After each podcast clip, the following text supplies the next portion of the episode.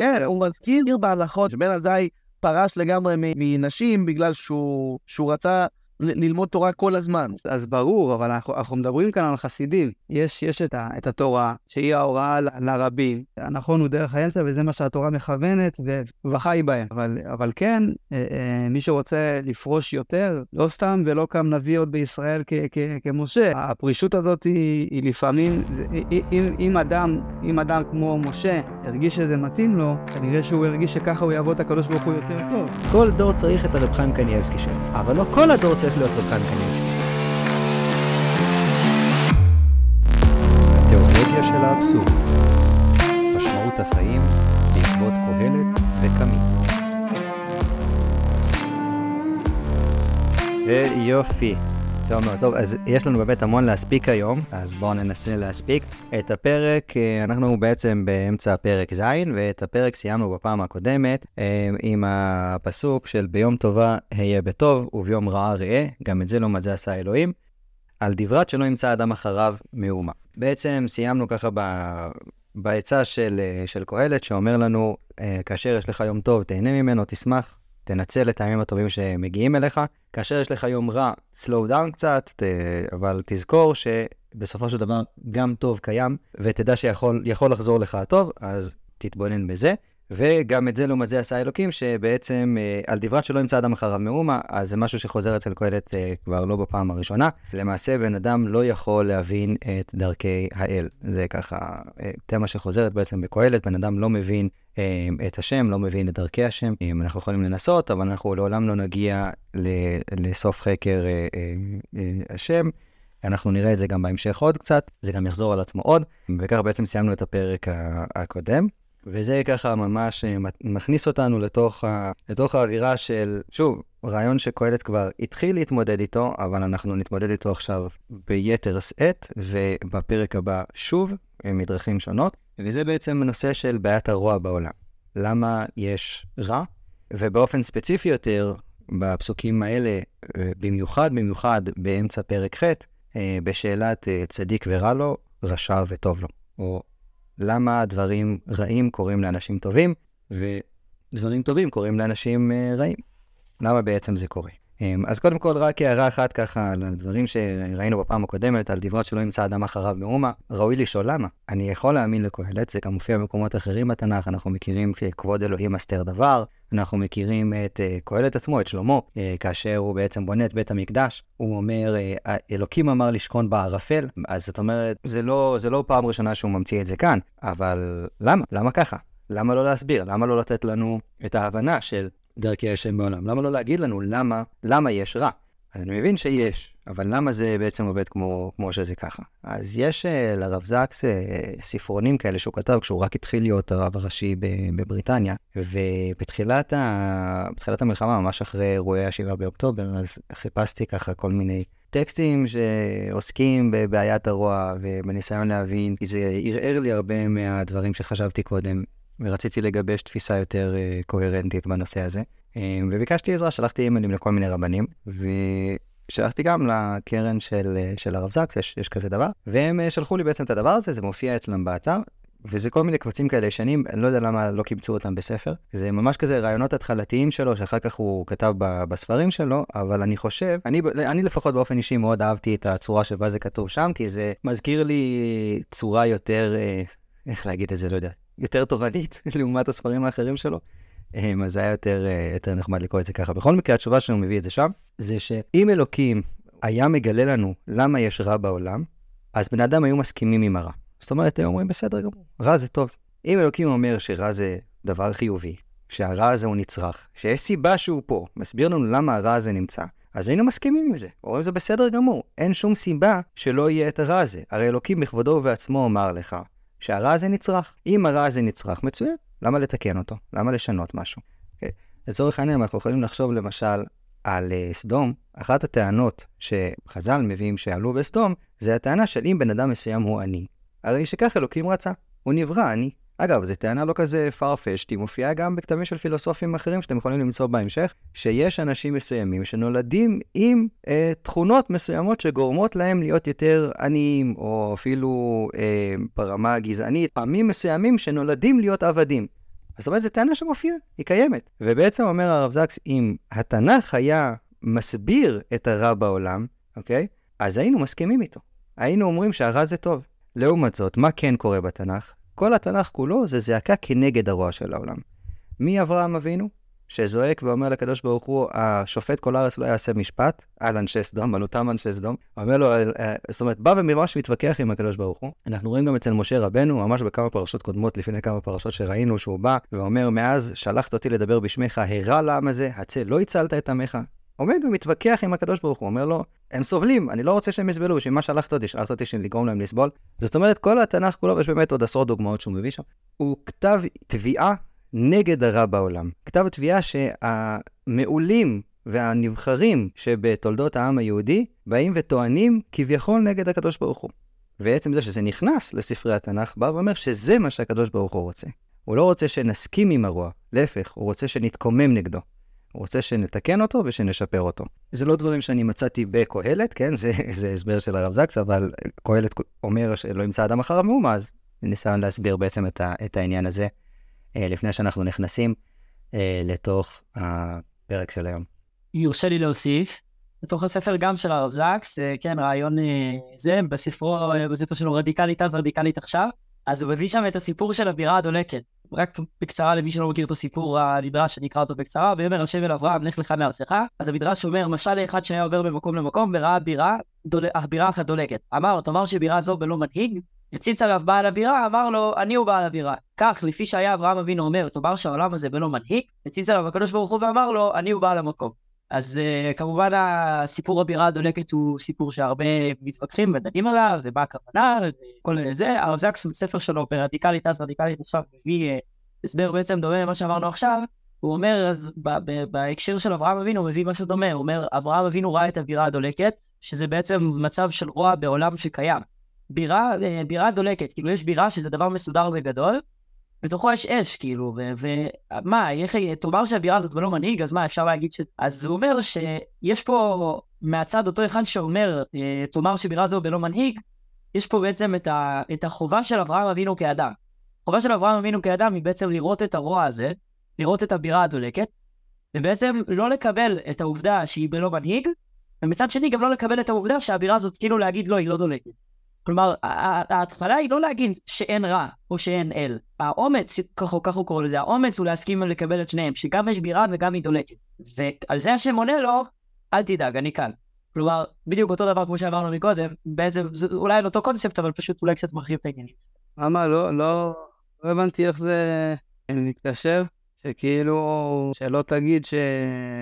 שאין את הרוע. זאת אומרת, הוא רואה שהבירה כן דולקת. זאת אומרת, כן יש את האש, כן יש את הדלקה. הדלקה היא כאילו הרוע שבתוך, שבתוך העולם, וכאילו אלוקים אומר לו, אני לא מתעלם מזה שיש את, ה, את הרוע, אני מחפש אנשים כמוך ששמים לב לזה. ובעצם העניין זה לראות את זה וכאילו לנסות לתקן את זה כמו שאורל כבר ציין קודם. יש לי שאלה, אם אנחנו אמורים להתנגד לרוע, אז למה, למה מנסים גם להצדיק את הרוע?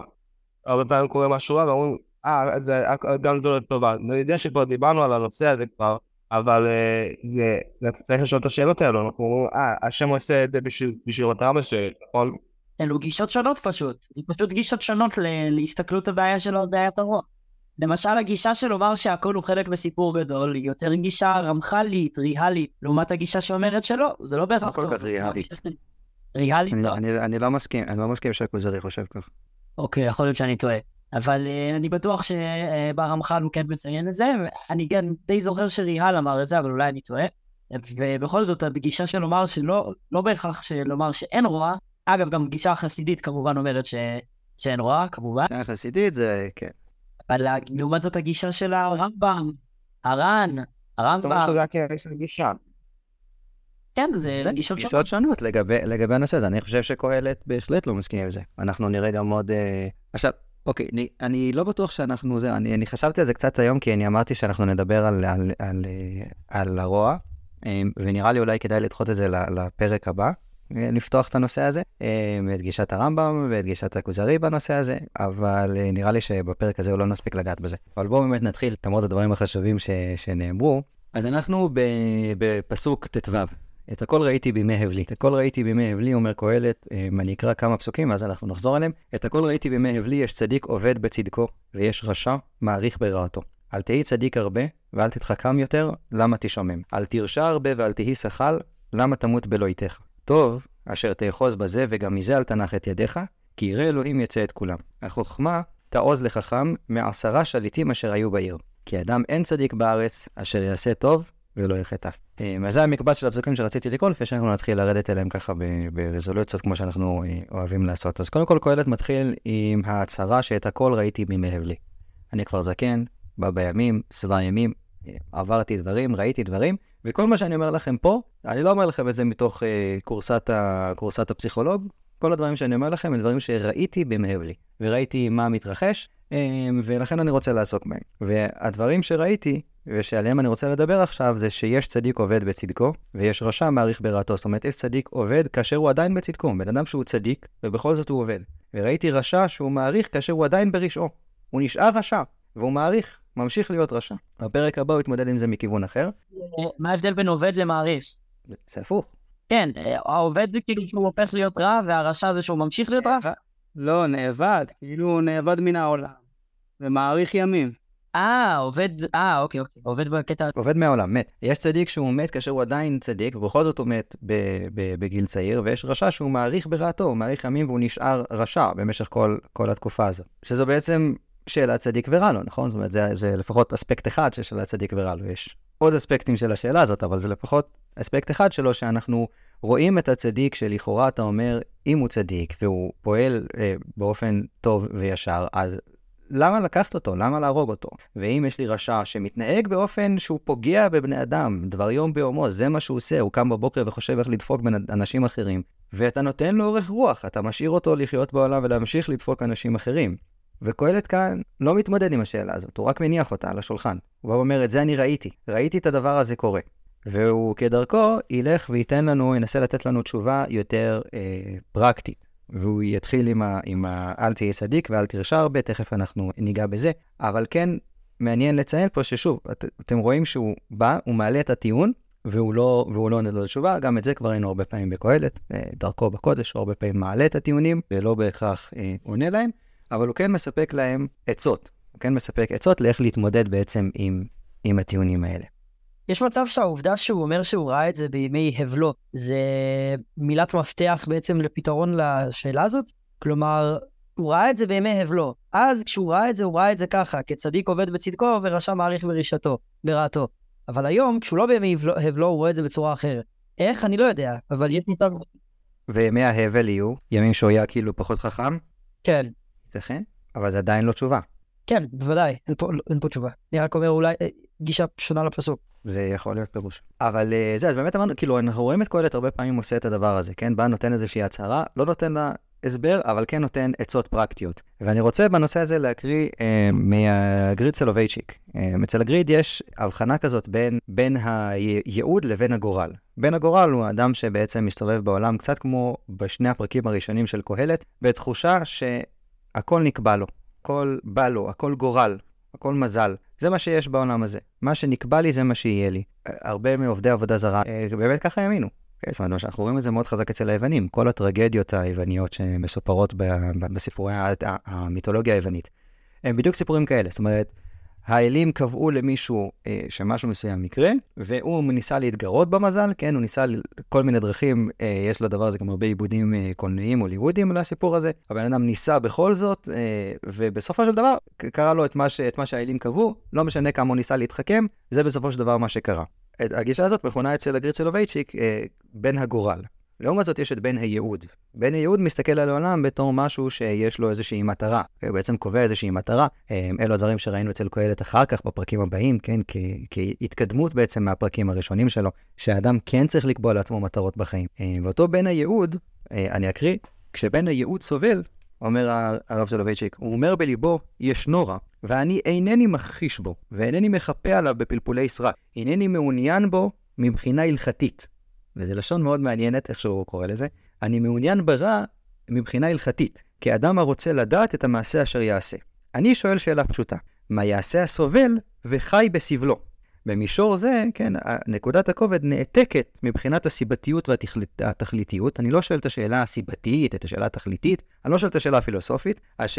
הבעיה נעתקת לאספקט המעשי. הבעיה מנוסחת עכשיו בשפתה של ההלכה הפשוטה וסובבת סחור סחור למשימה יומיומית. שאלת השאלות היא, מה מחייבים האיסורים את האדם? ובעיה זו חיבבה היהדות, והעמידה אותה בטיבור עולם מחשבתה. זאת אומרת, השאלה, אומר הרב סולובייצ'יק, שהיהדות חיבבה, היא לא למה באים האיסורים, אלא מה לעשות עם האיסורים שבאו עליך.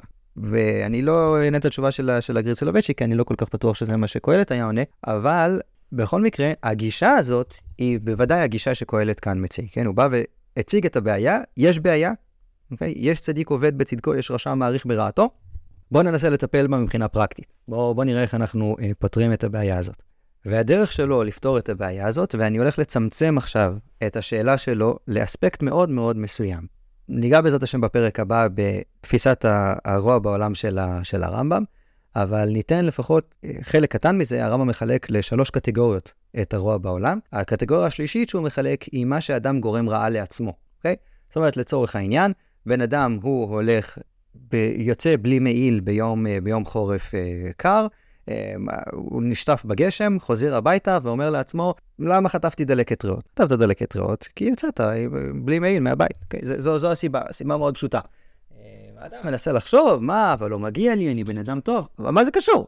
אתה יצאת בלי מעיל מהבית, מה אתה רוצה? אז זה הקטגוריה השלישית בעצם של הרוע אצל הרמב"ם, ואני חושב שקהלת, כשהוא מדבר פה על בעיית הרוע, הוא הוא מתייחס לאספקט הזה. אה, לפחות ככה אני יכול להבין את העצה המעשית שהוא מביא אחר כך, כי העצה שהוא בעצם מביא היא לשמור על איזון.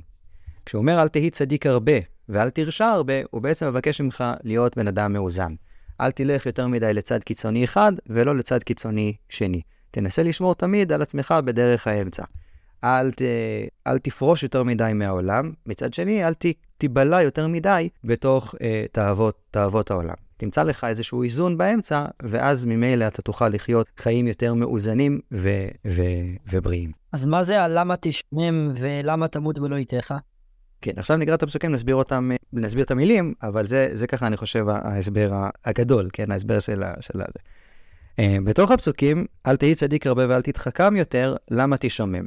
אז אל תתחכם יותר, זה גם כן מלשון, מלשון להתחכם, אוקיי? זאת אומרת, לנסות אה, יש כמה דרכים להסביר את זה. מאמלוז למשל אומר שהכוונה היא שמה שבפרקי אבות שיש, את האדם שחוכמתו מרובה ממעשיו, כן? אתה לומד הרבה, אתה, אתה פילוסוף גדול, אבל אתה לא מתרגם את זה לחיי המעשה שלך. אתה עסוק ב...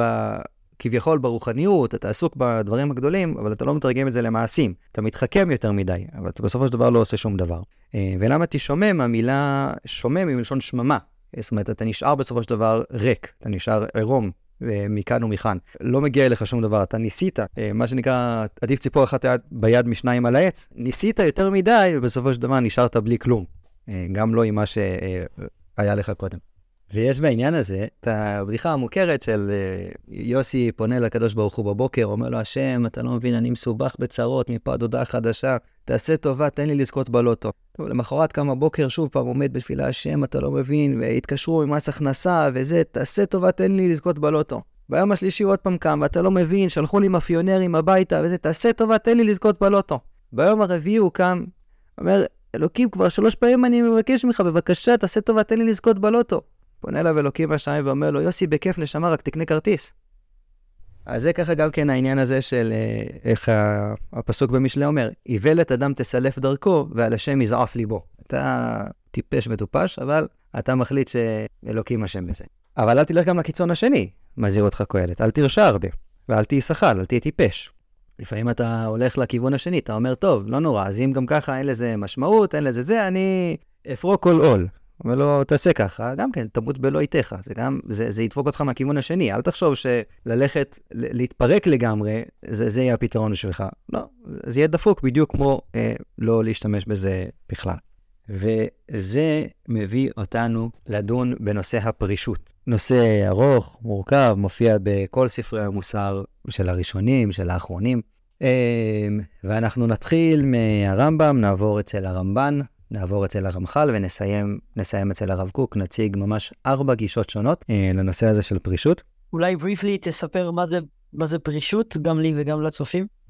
בטח, נפתח את זה עכשיו, רק נקדים קודם, כיוון יפה שראיתי אצל, אצל הרב שרקי, שאני חושב שהוא עוזר להבין הרבה מאוד מאמרי חז"ל בעניין הזה. כאשר חז"ל מדברים על יצר טוב ויצר רע, למה הם מתכוונים? הוא הסביר, וזה באמת ככה סידר לי, סידר לי את, ה, את הראש לגבי הרבה מאוד מאמרי חז"ל שעוסקים בנושא הזה, שיצר רע לא הכוונה רע, ויצר טוב לא הכוונה טוב, אלא יצר רע הכוונה לתאוות הגשמיות, כל דבר שעסוק בגשמיות, גם הדברים הטובים. Okay, סתם אני אוכל לחם שחור וגבינה לבנה בבוקר. יצר הרע זה בעצם התאווה לגשמיות, ויצר הטוב זה התאווה לרוחניות. למה זה מכונה רע וזה מכונה טוב? כי זה בדרך כלל מוביל לרע, וזה בדרך כלל מוביל לטוב. זה מסתדר מאוד, כי אנחנו מכירים למשל את מאמר חז"ל עם הסיפור שניסו לבטל את היצר הרע, ואז אה, שום תרנגולת לא התעברה במשך שלושה ימים, ולא היו ביצים, אה, ואז חז"ל החזירו בעצם את היצר הרע, כי הבינו שהוא נצרך. והלשון שהגמרא משתמשת שם, אה, הוא באמת אה, זה, אבל שאלה למה זה יצר הרע. שוב, אז אם אנחנו מבינים את זה, נכון. זה, זה התאווה של... לא, לא, אמרתי, אפילו אם זה הזה, אני לא יודע. אתה צודק. אני לא יודע, Ben and Jerry's עם, אה, עוגיות. אז, אה, אז זה, בעצם, זה בעצם העניין ביצר הרע. ועכשיו אתה שואל אה, לגבי הפרישות, אז מה זה פרישות? אז בואו נפתח רגע מסילת ישרים, אתה יודע מה, ואחר כך נחזור, נחזור לרמב"ם. אז מסילת ישרים בפרק י"ג. מסילת ישרים בנוי בעצם לפי ברייתא דרבי פנחס בן יאיר, שרבי פנחס בן יאיר מדבר על הזהירות שמובילה לזריזות, שמובילה לנקיות וכן הלאה וכן הלאה, ואחד הדברים שמופיעים שם היא הפרישות. ופותח מסילת ישרים, הרמח"ל, רבי משה חיים לוצטו, שאגב, בדורו אה, הוא הוחרם, כי חשדו בו שהוא, אה, שהוא מתכוון להיות אה, שבתאי צבי חדש, והחרימו את הספרים שלו, הפני יהושע שרף אותם. מאמר מוסגר. הכל חוץ מהמסילת ישרים, אגב. את המסילת ישרים זה היחיד שלא שרפו. אה, כן? זה זה שלא שרפו. אז בבירור מידת הפרישות, הפרישות היא תחילת החסידות. ותראה שכל מה שביארנו עד עתה, הוא מה שמשתרך אל האדם שיהיה צדיק. כן, העמדות שהוא הביא לפני זה, כגון הנקיות והזהירות והזריזות, אה, זה בשביל להיות צדיק, ומכאן ולהלאה הוא לשיהיה חסיד. פרישות זה בשביל החסידות. חסידות זה מעבר לצדיקות. צדיקות זה לעשות טוב, לא לעשות רע, והחסידות זה מעבר לרק לא לעשות טוב ולעשות, אה, ל, לרק לא לעשות רע ולעשות טוב. והנה כלל הפרישות, ומה שאמרו זיכרונם לברכה, קדש עצמך בה מותר לך. וזאת היא הוראתה של המילה עצמה, פרישות, רוצה לומר להיות פורש ומרחיק עצמו מן הדבר, והיינו שאוסר על עצמו דבר היתר. הכוונה בזה זה שלא יפגע באיסור עצמו, כן? מה אתה שואל? חסידות זה רק לשמור על ה... לא תעשה ועל ה... לא, זה צדיקות. צדיקות. כן, זה מה שהוא אמר. אמר, זה, כל מה שדיברנו עד עכשיו זה צדיקות, הלא לעשות רע וכן לעשות טוב זה הצדיקות, הפרישות היא מעבר לזה, היא לקדש עצמך גם במה שמותר לך. זאת אומרת, לפרוש גם במה, ש, במה, גם במה שמותר לך מצד הדין לעשות.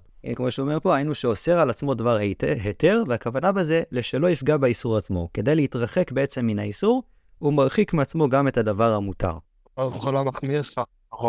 לא, אז הוא אומר הפוך.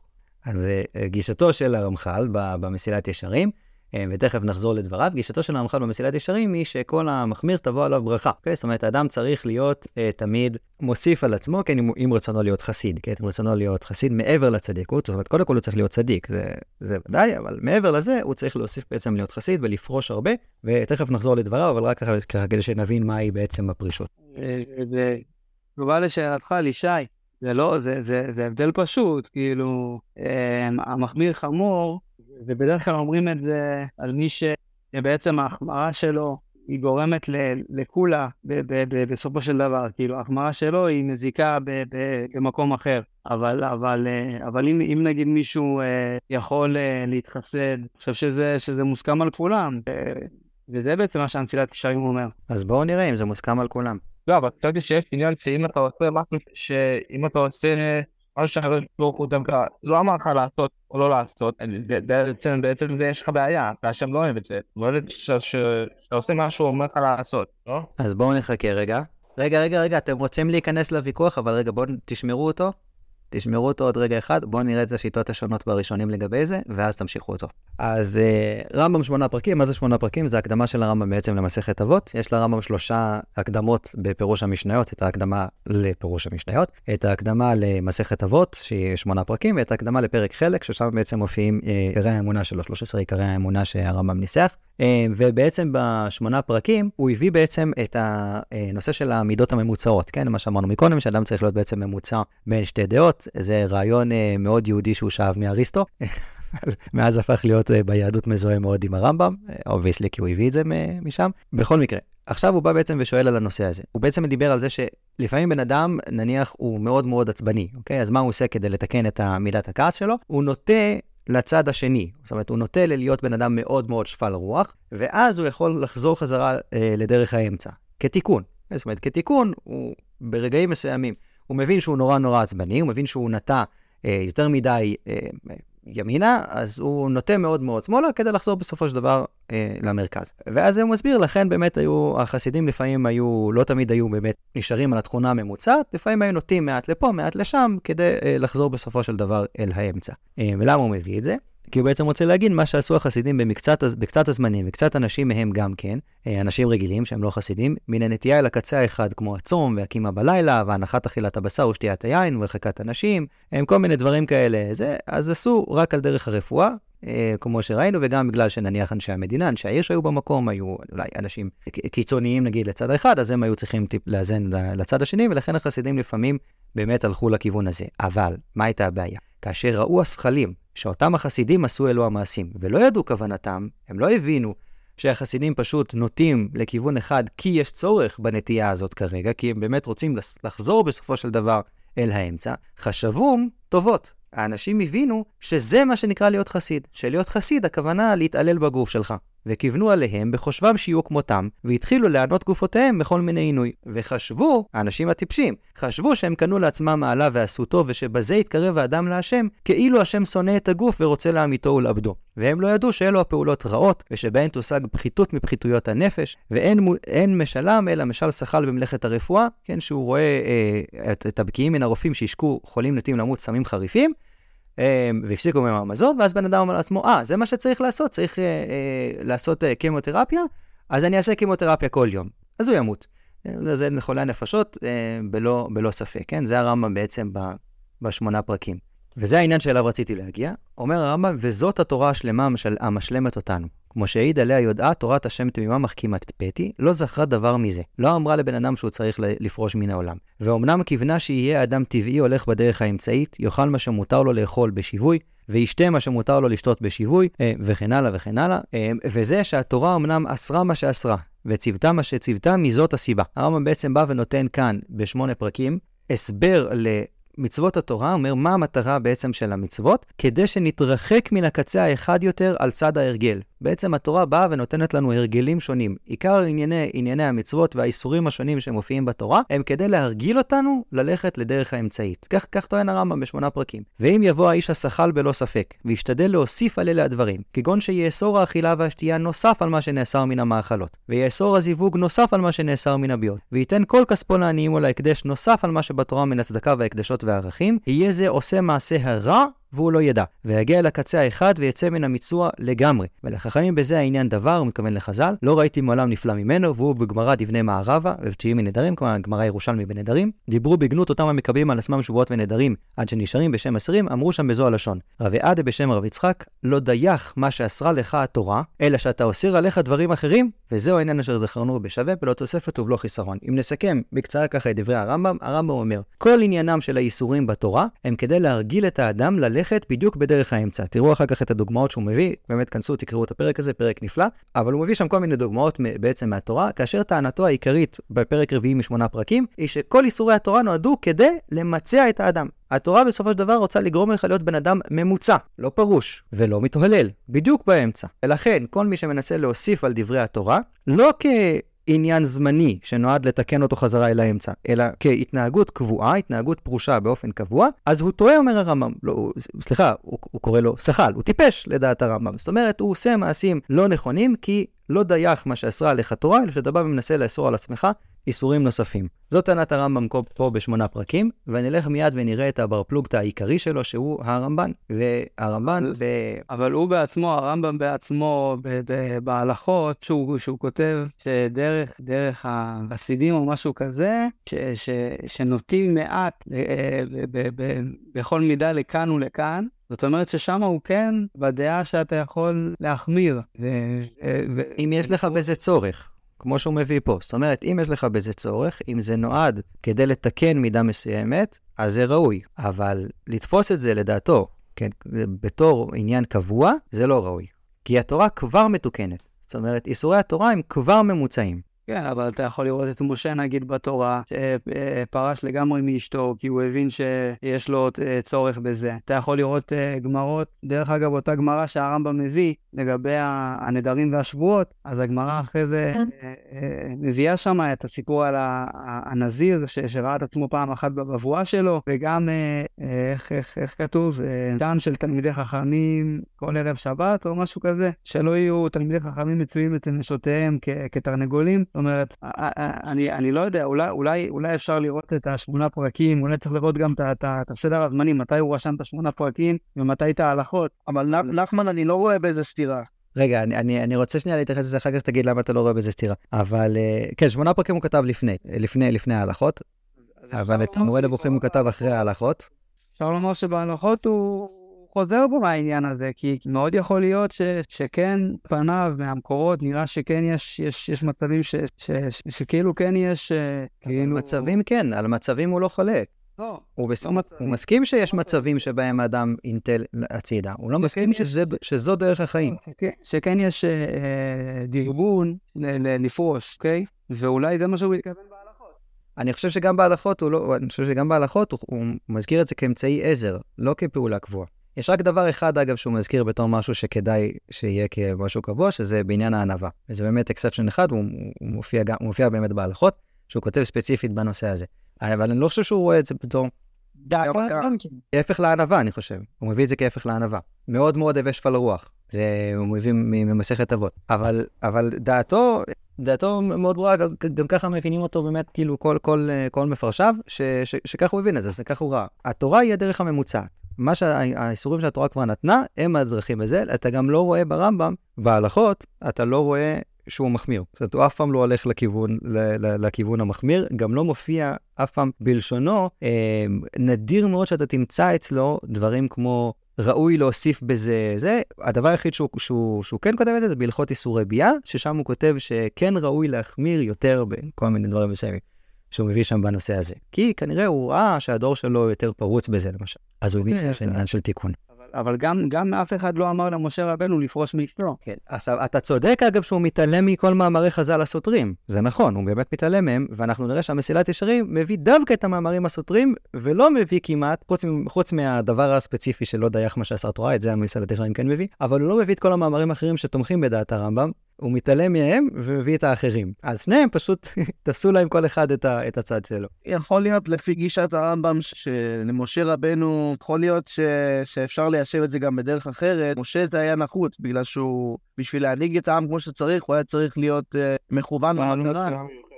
גם כן, נכון. כאילו, שהוא היה צריך, הוא עצמו. אז אתה לא...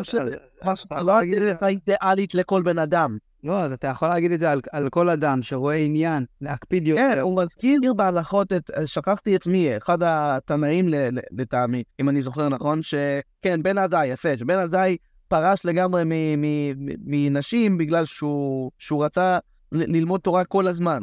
הוא, לא, הוא, לא הביא את זה, הוא לא הביא את זה בתור אה, דוגמה לגנאי, הוא רק הביא את זה בתור דוגמה למישהו שהוא, שהוא קיצוני, וזה לא הדרך האידיאלית לכל בן אדם, אלא בשבילו זה היה מתאים, אבל זה לא מתאים לכל בן אדם, זה לא האידיאל שלזה אנחנו צריכים לחתור. אז, אז, אז ברור, אבל אנחנו, אנחנו, אנחנו מדברים כאן על חסידים. אני, אני, אני, איך שאני, איך שאני כאילו רציתי אה, לראות את זה, אה, זה, ש, זה, זה, זה שכאילו...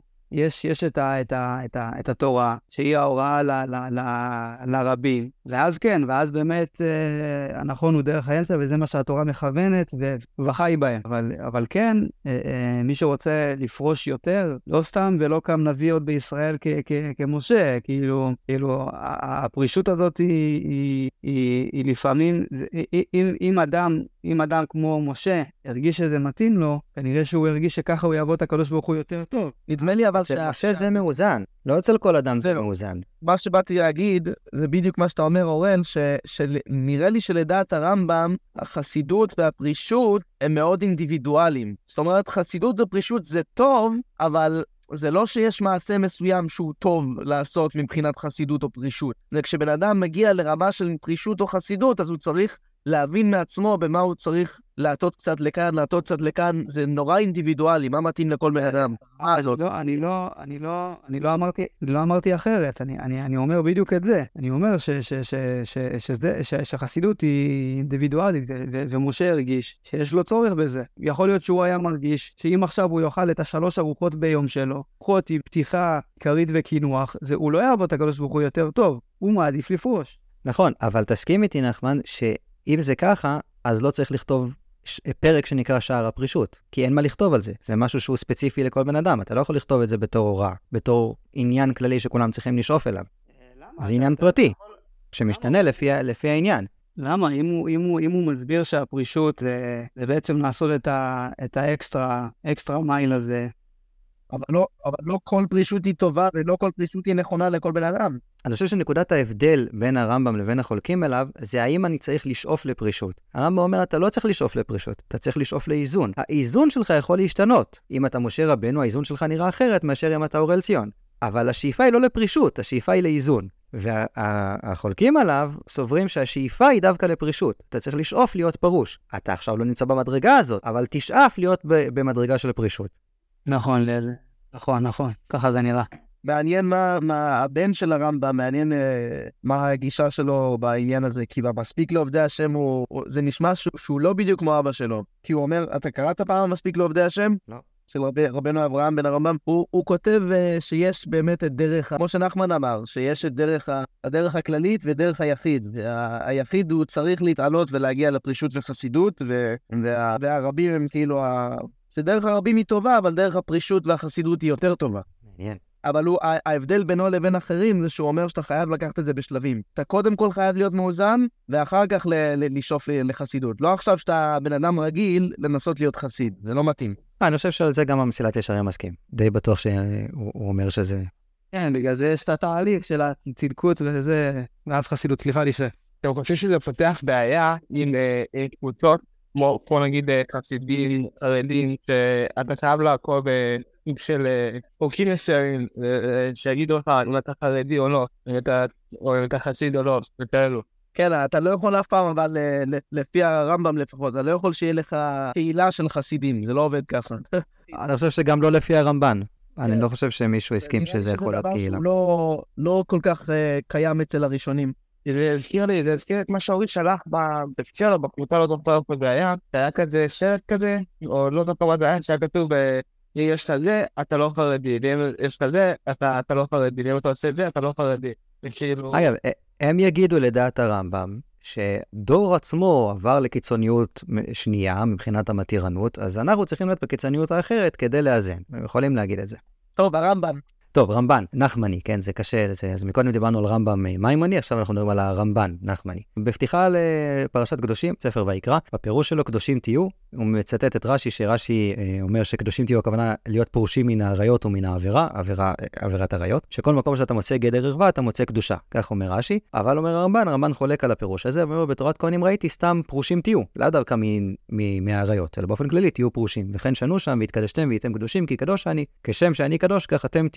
כשם שאני פרוש כך אתם תהיו פרושים, אז לא במשהו ספציפי, אלא באופן כללי, להיות פרושים. ולפי דעתי, אומר הרמב"ן, אין הפרישות הזו לפרוש מן האריות כדברי הרב, אבל הפרישות היא המוזכרת בכל מקום בתלמוד, שבעליה נקראים פרושים. והעניין כי התורה הזהירה באריות ובמאכלים האסורים, והתירה הביאה איש באשתו ואכילת הבשר והיין. אם כן, ימצא בעל התאווה מקום להיות שטוף בזימת אשתו או נשיו הרבות, ולהיות בסובי יין בזוללי בשר למו, וידבר כרצונו בכל הנבלות, שלא הוזכר איסור זה בתורה. והנה יהיה נבל ברשות התורה. כביכול התורה מרשה לו להיות בן אדם מגעיל ודוחה. לפיכך בא הכתוב אחרי שפירט האיסורים שאסר אותם לגמרי, וציווה בדבר כללי שנהיה פרושים מן המותרות. ימעט במשגל, כן, כמו ש... מה שנחמן הביא מקודם, שלא תלמידי חכמים מצויים אצלנו שתיהם כדן רגולים. אה, יקדש עצמו מן היין במיעוטו, כמו שקרא הכתוב הנזיר קדוש, ויזכור הרעות הנזכרות ממנו בתורה, בנוח ובלוט לגבי היין. וכן יפריש עצמו מן הטומאה, וכן הלאה וכן הלאה, הוא ממשיך שם אה, הרבה בדבר הזה. אבל אנחנו רואים את הרמב"ן בא ו... חולק על הרמב"ם. אם הרמב"ם אמר שהתורה היא המאוזנת, כל איסורי התורה באו כדי לאזן את האדם בדיוק ללכת בדרך האמצע, בא הרמב"ן ואומר, לא נכון, איסורי התורה הם המינימום הנדרש. הם לא המ- המקום שאליו אתה צריך לשאוף, הם המינימום הנדרש, כי אדם יכול לקיים את כל איסורי התורה ועדיין להיות בזוללי בשר ובשובעי יין, או שזה הפוך. ולכן אדם צריך להיות פרוש, יש ציווי כללי על האדם להיות פרוש. כלומר, זה האידיאל, האידיאל הוא להיות פרוש, לא להיות מאוזן. והתורה, מה שהיא אומרת, זה המינימום. המינימום הנדרש ממך זה לא לאכול בשר טרפה, אלא לאכול בשר שחוטה. אבל גם כשאתה אוכל בשר שחוטה, יש עליך ציווי כללי להיות קדוש באכילה הזאת, ולאכול אותו רק בימים טובים ושבתות, אה, ו- ו- וכן הלאה וכן הלאה. זאת אומרת, אז אנחנו רואים כאן גישה שבאמת הוא בר פלוגתא של הרמב"ם, ב, לא רק בנושא הזה, אה, אבל באמת הם ברי פלוגתא בנושא הזה, שלדעת הרמב"ם, שאיפת התורה היא ליצור חברה מאוזנת, ולדעת הרמב"ן, שאיפת התורה היא ליצור חברה קדושה. כלומר, פרושה אה, מהנאות העולם הזה. אם נחזור אל המסילת ישרים, הוא בא ושואל בדיוק, לא יודע, היית אומר שה, שהרמב"ם, הרמב"ם חולק על ה... זה שה, ש, ש, שהרמב"ן אומר, אל תהיה ב, ב, ב, בזוללי בשר ושובעי יין, לא חושב שהרמב"ם חולק על העניין הזה. לא, אני לא חושב שהוא חולק על העניין הזה. גם לא מאוזן. נכון. אני לא חושב שהרמב"ם חולק. אני חושב שהרמב"ם אומר שאם אתה תת- תתרגל לאיסורי התורה, הם אמורים להוביל אותך לא להיות בזוללי בשר ושובעי- ושובעי יין. זאת אומרת, העניין שהתורה נתנה לך כל מיני איסורים, הם מרגילים אותך ממילא לפרוש. אתה יכול לשאול אם במציאות מי צודק. כנראה שהרמב"ן יותר צודק, כי במציאות אנחנו רואים שהוא צודק יותר, אני לא יודע. אבל, אה, אבל מבחינת הטענה שלו, הטיעון, הטיעון ש... למה? לא, אה, לא נכון. אה, אני לא חושב שזה... ההבדל הוא כזה. בן אדם שהוא זולל ושורע יין, הרמב"ן יגיד, הוא לא עושה שום איסור תורה, אבל הוא נבל. והרמב"ם יגיד, הוא כן עושה איסור תורה, כי הוא לא מאוזן. אבל התורה לא אסרה את זה. כל לא, הטיעון של הרמב"ם אה, זה אה, שאיסורי אה, התורה אה, מביאים אותך לאיזון. לא, אבל, אבל הרמב"ם כולל את, העניין של תיקון הדעות בתור הלכות. שאין להם מקור, תורני. המקור שלהם הוא לוגי, הוא הגיוני, הוא לא תורני. בסדר, אז זו טענה על הרמב"ם, אבל הרמב"ם מתייחס לזה... לא, כ- זה לא טענה על הרמב"ם. כן, אבל הרמב"ם מתייחס לזה כאל הלכה, כי הוא אומר לך שאתה צריך לנהוג ככה בגלל שזה הדבר ההגיוני לעשות, לא בגלל שהתורה ציוותה על זה. הוא אומר, בגלל שזה הדבר ההגיוני, שהדבר ההגיוני זה להיות מאוזן, בגלל זה התורה ציוותה איסורים. הוא הולך הפוך. אני, אני, אני חושב שאתם לא חולקים. אני חושב ששתיכם אומרים שלפי, שלפי הרמב"ם, אז בעצם, בעצם עצם הציוויים של התורה, עצם לקיים את הציוויים של התורה, זה, זה, זה בעצם עושה אותך מאוזן, זה בעצם המטרה של, ה, של, ה, של התורה. סתם, אני, אני, אני יכול להבין את זה על ידי זה ש, ש, שאם אתה אוכל, אה, אתה אוכל הרבה, אז רגע, מה קורה עם לימוד תורה? כאילו, אז כאילו איך איכשהו התורה מאזנת, אתה לא תהיה בסופו של דבר בזוללי בשר ובשובעי יין, כי התורה נותנת לך דרך חיים שהיא לא מתירנית. אבל לפי הרמב"ן, עדיין אתה יכול אה, להיות אה, בזוללי בשר ו- ו- ו- ובשובעי יין, אם אתה לא מפריש את עצמך אה, מעבר. זאת אומרת, לא בטוח ש- שמצוות התורה יביאו אותך ל- ל- למקום הזה. או בטוח שלא. כן. עכשיו, בטוח שזה לא מספיק, לטענתו. זו טענה, לא יודע. הוא מביא. אבל אצל הרמב"ם, יכ- יכול להיות, אני חושב שהרמב"ם אולי יותר סבלן בנושא הזה. זאת אומרת, הוא אומר, בסופו של דבר התורה תביא אותך לשם. עכשיו, נכון, יכול להיות ש... in your 20's, אתה עדיין תהיה בסו- בסו- בזוללי בשר ושובעי יין, בסופו של דבר זה יביא אותך לתיקון. יכול להיות. אולי, זאת אומרת, אולי זה הכיוון שלו. או במרוצת הדורות, כן, אנשים יתרגלו להיות יותר, יותר פרושים לאט-לאט, כי לשם התורה תביא אותם. אה, זה מתאים, אגב, לגישה הכללית שלו.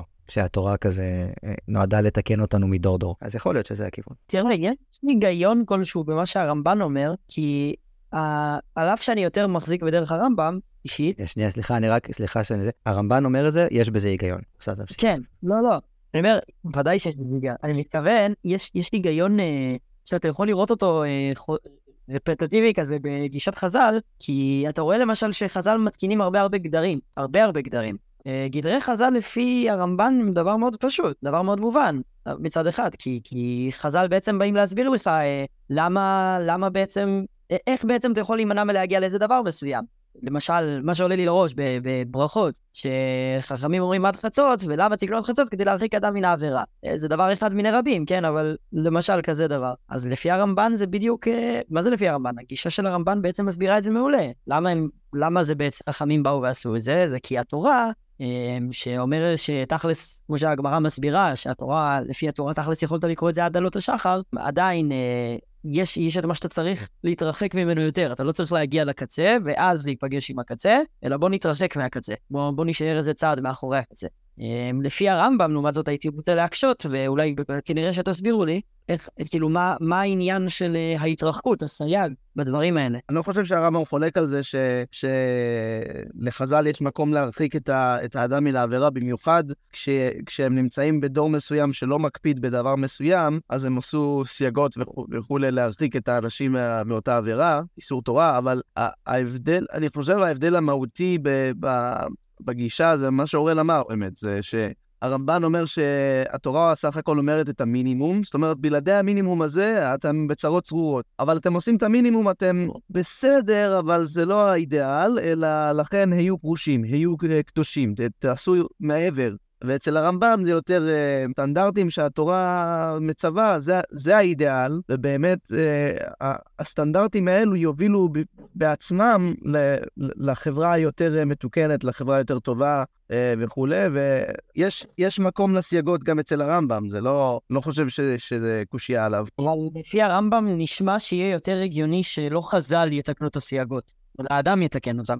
חז"ל באים... שחז"ל, אם הם רואים שהדור צריך את זה. אם הם רואים שהדור צריך... לא, אבל לחז"ל יש את הכוח, לחז"ל יש את הכוח אה, לתקן דברים כאלה, לרבים. כשחז"ל רואים שהרבים צריכים, זקוקים למשהו, כי כולם עושים משהו מסוים, אז הם יכולים לתקן דבר כזה. לצורך העניין, היה בתקופה של אה, שמעון הצדיק, כמו שידוע, היה את הבעיה עם התרומות ומעשרות, אז תיקנו אותה, את כל העניין של אה, דמאי. כי כל עם הארץ היו עושים דבר מסוים. אז בשביל להימנע מבעיה השאלה שיש לשאול על הדבר הזה, זה, אז אם ככה, למה, למה לא בכל דור מתקנים את התקנות שמתאימים לאותו דור? זאת אומרת, למה הם ממשיכים איתנו מדור לדור? בדיוק מה שבאתי לשאול. אז לפני שתסכלוני באבנים, אני אברח למסילת ישרים. אם יוצא לי לפני שאתה בורח למסילת ישרים להוסיף עוד אה, עמדה אולי אה, חשובה, אה, שיטת הרב קוק, משהו שקראתי, הוא אומר שהעניין... נגיע אליו.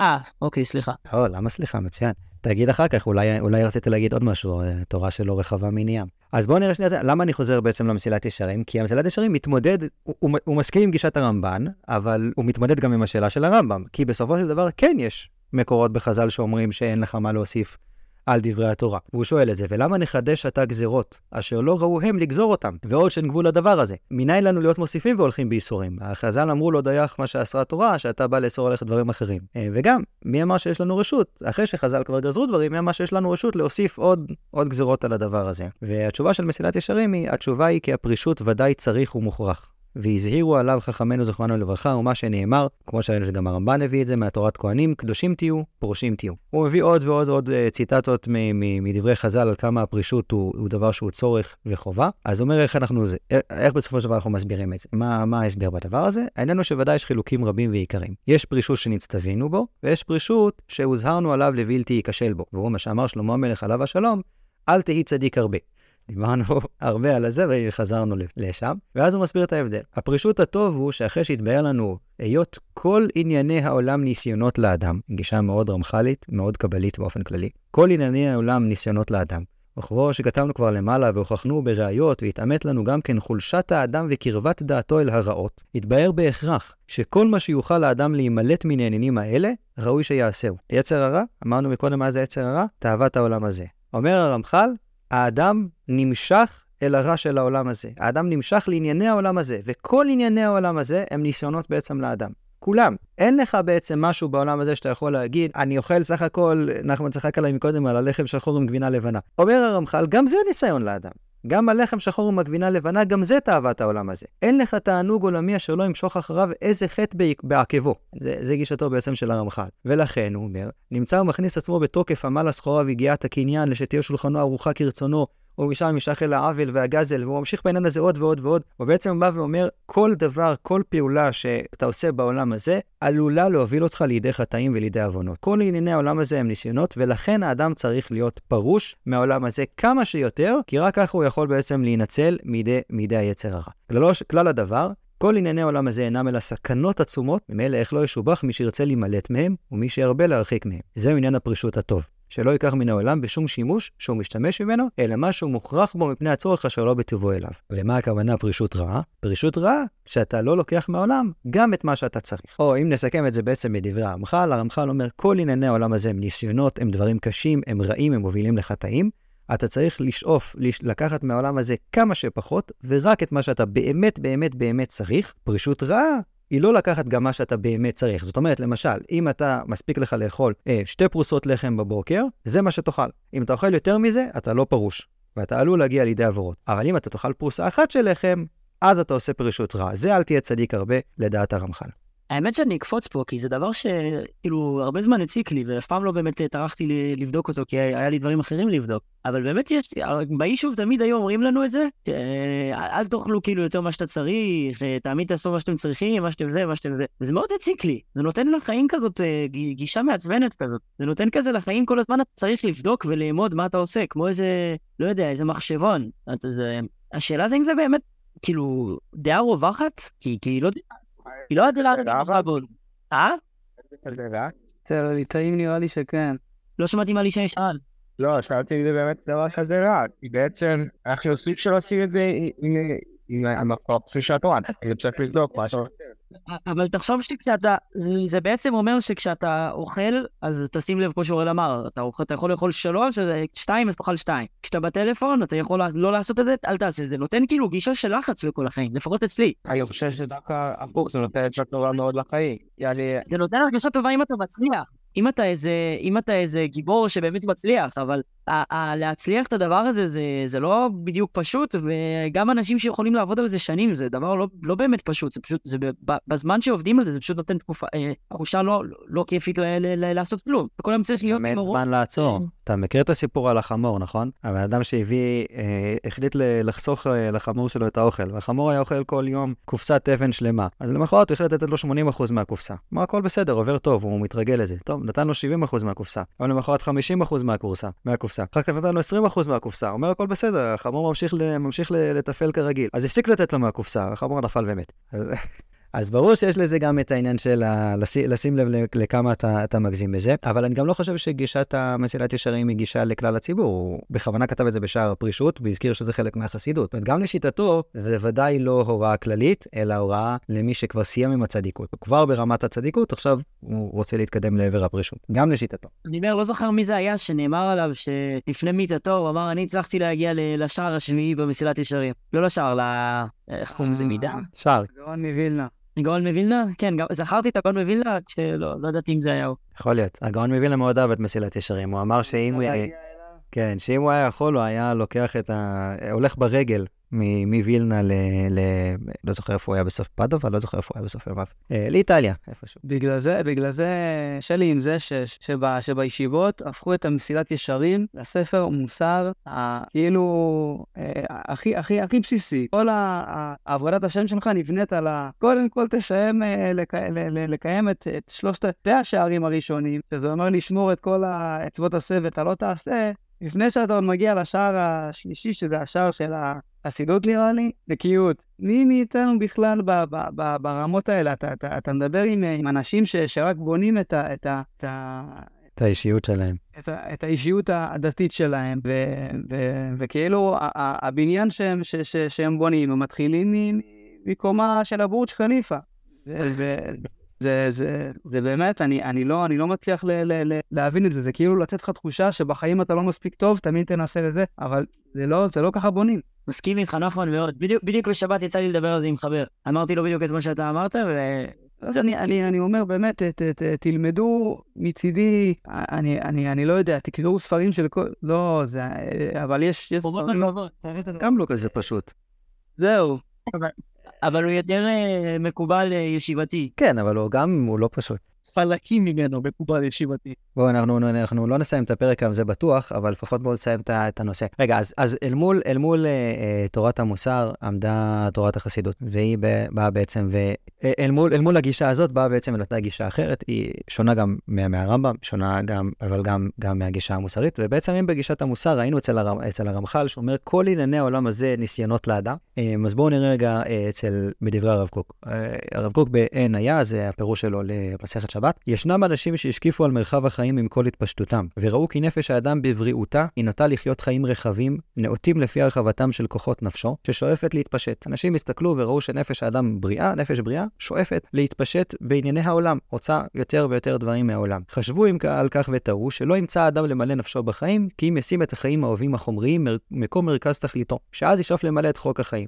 זאת אומרת, אה, הוא אומר, הרבה אנשים חשבו, הדרך היחידה בעצם להשביע את הנפש, הם, זה ככה גם דברים שכבר ראינו אצל קהלת בפרק שני למשל, הם רק בעצם למלא את הנפש בחיים, או תביא לי שרים, שרות, אה, מסיבות וכו'. הוא ממשיך ואומר ש, שזה לא, אם תעודתו ומגמתו הפנימית תהיה רק יסוד החיים הרוחניים והנצחיים, ויהיו לו כל ענייני החיים הרחמים שבעולם הזה רק הכשר והכנה להשגת קיום התורה והמצוות, אז יצטמצם אצלו יסוד החיים. הוא אומר, כך חשבו אותם האנשים, אבל באמת שקר בימינם, זה לא דבר נכון. כי אף על פי שהרחבת החיים היא נטייה טבעית באדם, אבל לא מפני זה צריכות אותן הרחבות המוחשיות להיות תכלית החיים. זאת אומרת, הוא לא חולק על זה שנפש האדם תתמלא על ידי, על ידי החיים העצמיים, על ידי חיי העולם הזה. אלא שהוא אומר, זה לא אומר שהיסוד החיים הוא ענייני העולם הזה, אלא יסוד החיים ותכליתם הוא הצד הקדוש שבהם, אלא שכל כך ישנם מעמדים גבוהים ובקשות גדולות בדרכי השם, עד שכל הרחבת החיים הטבעיים, הכל נתבעים הם לצורך התעודה ההכנית, לרגלי ההכשר על צד הקדושה שנמצא בפנימיות החיים. זאת אומרת,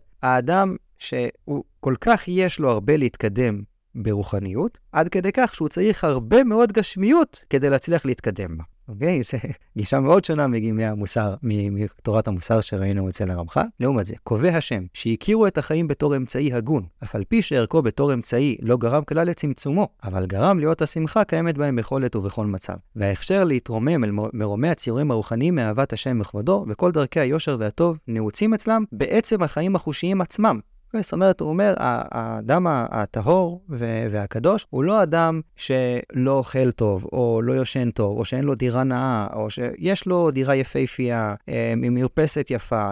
כל הדברים האלה גורמים לו להיות אדם יותר טהור, יותר קדוש, עד שאותה הדירה הנאה, הטלית הנאה וגרבי היין, יש להם ערך נעלה ומיוחד, בהיותם באים בערך זכות למי ששם כל עניינם רק כהרחבה אמצעית לתמצית החיים וגרעינם הפנימי שתלוי בהם, הוא צד המצווה והקדושה שבהם. וזה בעצם גישה, גישה, גישת החסידות בנושא הזה.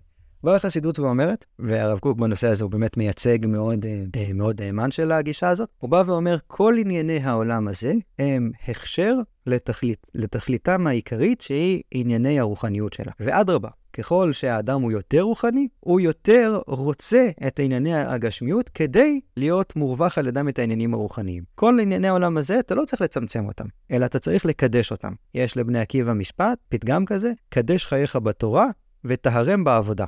זה, זה בעצם הגישה שהרב קוק אה, מציג פה, שהיא בוודאי חולקת על דברי המסילת ישרים, אבל היא גם חולקת על דברי הרמב"ם. איך זה קשור לנושא של uh, סייג? לא, זה קשור לעניין, פשוט הזכרנו את המסילת ישרים עם ענייני, שכל ענייני העולם הזה הם אה, ניסיונות ודברים רעים לאדם, אז רציתי להזכיר גם את הגישה החסידית לעניין הזה. אה, אני מה שרציתי קודם להגיד את הרב קוק, התכוונתי לעניין איך הרב קוק מסתכל על סייגות והרחקות מעבירה. אה, אז הנה, אז עכשיו, אז, אז בואו נקרא את הקטע הזה. זה קטע מתוך שמונה קבצים, אה, והוא בא ואומר דבר כזה: אמת הדבר שהדרך הממוצע הוא דרך החיים המאושרים הראויים לכל אדם. וזאת יצאת השם ברוח התורה. והודעת להם את הדרך אשר ילכו בה ואת המעשה אשר יעשון, את הדרך זו בית חייהם. כאן זה נשמע, עד כאן, עד כאן רמב"ם, נכון? מכל מקום טבע הסגולה הנשמתית, הוא נותן שיחידים יימצאו בעולם. שההסתכלות העליונה וחיי הפרישות הקיצונית עם הטהרה המופלגה היא נאותה להם, כדי לכבוש דרך לעולם כולו, להאיר נתיבות עולמים. ואלה הגדולים מוצאים בתוכנם הקיצוני את אותה שביעת החיים והאושר המלא, יותר הרבה ממה שמוצאים אותם רוב בני האדם בלכתם בדרך הממוצע הראוי להם. על כן, יחידי סגולה, בעלי חסידות מופלגה, זאת היא גם כן מכלל תוכן קדושת ישראל שימצאו בעולם. צריך שימצאו בעולם אותם יחידי סגולה, ובמאפל הגלות, לפעמים דווקא אלה הענקים, הם הם אשר האירו לנו את כל חשכת החיים, וישימו לנו מעקשים למישור ומחשקים לאור. במילים אחרות ופחות יפות משלו, אומר הדרך הממוצעת, אה, ואני חושב שנחמן הזכיר את זה בהתחלה, הדרך הממוצעת היא הדרך הנכונה לרוב האנשים, אלא שיש צורך שיהיו אנשים מסוימים, יחידי סגולה בכל דור, שהם באמת לוקחים את דרך הפרישות הקיצונית, והם מהווים בעצם איזשהו מגדלור כזה אה, בפני העם. זאת אומרת, כל דור צריך את הרב חיים קנייבסקי שלו, אבל לא כל הדור צריך להיות רב חיים קנייבסקי. יפה, מעניין. מי זה השמונה קבצים? הרב קוק. אה. מה, זה הרבה יותר, אה, הרבה יותר אה, שפת העם של היום. הרבה יותר מה עכשווי, הדברים שלו. אז השאיפה של הדור היא בעצם להיות הרב חיים קניבסקי, או להיות האלה שמסתכל על הרב חיים קניבסקי? לא, הפוך. הוא אומר, כל דור צריך רב חיים קניבסקי, אבל לא כל הדור צריך להיות רב חיים קניבסקי. כן, אז, אז מי בסופו של... אבל או שכולם צריכים לשאוף להיות רב חיים קניבסקי, ואז בסופו של דבר יהיה אחד, או שכולם צריכים לא לשאוף להיות רב חיים קניבסקי, ואז בעצם מה שהוא אומר זה שבמקרה יקום אחד. זה מה שאני מתכוון. צריכים, ל- כולם צריכים לשאוף להיות הרמטכ"ל? אמ, לא, אבל יש אחד ששואף להיות הרמטכ"ל. מצוין. אז יש. תמיד יהיו את האלה שישאפו לשם, הם יגיעו לשם. אבל ההבדל בין הרמטכ"ל לזה, זה שהאם מלכתחילה נקודת המוצא של הרב קוקי, שהרי אנחנו פה לא מדברים על, אה, על אה, מקצוע או כזה דבר, אנחנו מדברים על גישה לחיים, הרב קוק בא ואומר פה. אז האם הגישה התחילתית של הרב קוק בעצם היא, היא שאני צריך לשאוף להיות, במקרה שלנו, הרב חיים קניבסקי, או שאני לא צריך להיות לשאוף להיות הרב חיים קניבסקי? לא. אלא פשוט זה, אני לא חושב. זה קיים. בדיוק. זאת אומרת, אם אתה רב חיים קניבסקי, אתה, אתה שואף לשם. אתה, זאת אומרת, לא היית מגיע להיות רב חיים קניבסקי אם לא היית שואף להיות רב חיים קניבסקי. אז מלכתחילה כולם צריכים לשאוף לשם. לא, לא, ממש לא. הוא אומר שזה לא הדרך, הדרך אה, ששמורים לעם, אבל, אבל, אם, אבל אם מישהו כן זוכה להגיע לדרגה הזאת, אה, זה כאילו, זה כאילו הבונוס של הדור כזה. זה, אני חושב שזה יותר מבונוס. זה נצרך לדור. אבל, כן. אה, אבל זה אותם יחידי סגולה, שבאמת הם, הם, הם הלכו לשם, למקום הזה. אני אומר, אתה רוצה להגיד לי שיש, שיש הרבה אנשים שפשוט כאילו מתכננים, מתכננים להיות במהלך החיים שלהם אנשים שמקשיבים לרב חיים קניבסקי?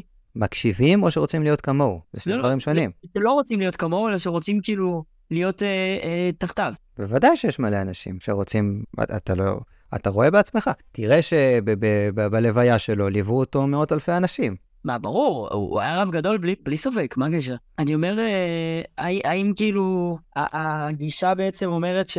לא, לא הגישה, אלא כאילו האם אנחנו כאנשים צריכים, מה זה צריכים? עזוב צריך. האם יש אנשים שבעצם שואפים מלכתחילה להיות האלה שלא יהיו הרב חיים קניבסקי, זה מה שאני... כן, אני.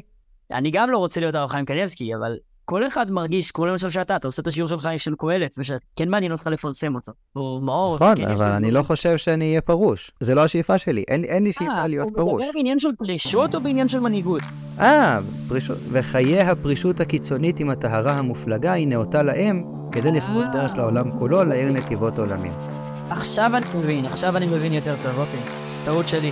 כל זה, זה, זה הנקודה. ממש, פרק, באמת פרק ז' בקהלת, זה, זה נראה פשוט הפרק שלא נגמר, זה לא...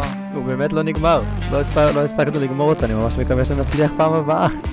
אי אפשר לגמור אותו. מי ששומע אותנו ומקשיב לפודקאסט, אז אה, אנחנו נשמח מאוד לשיתופים ולדירוגים, ואני שם לינק ב description של הפרק לאתר, שאתם יכולים לכתוב לנו גם תגובות, ונשמח לדיונים מעניינים, כמו שהיה לנו פה uh, בפנים, אז אפשר לקחת את זה ככה גם לכל, על האינטרנט, שתכתבו ולכתוב ונתדיין, ונגדיל תורה ונאדירה.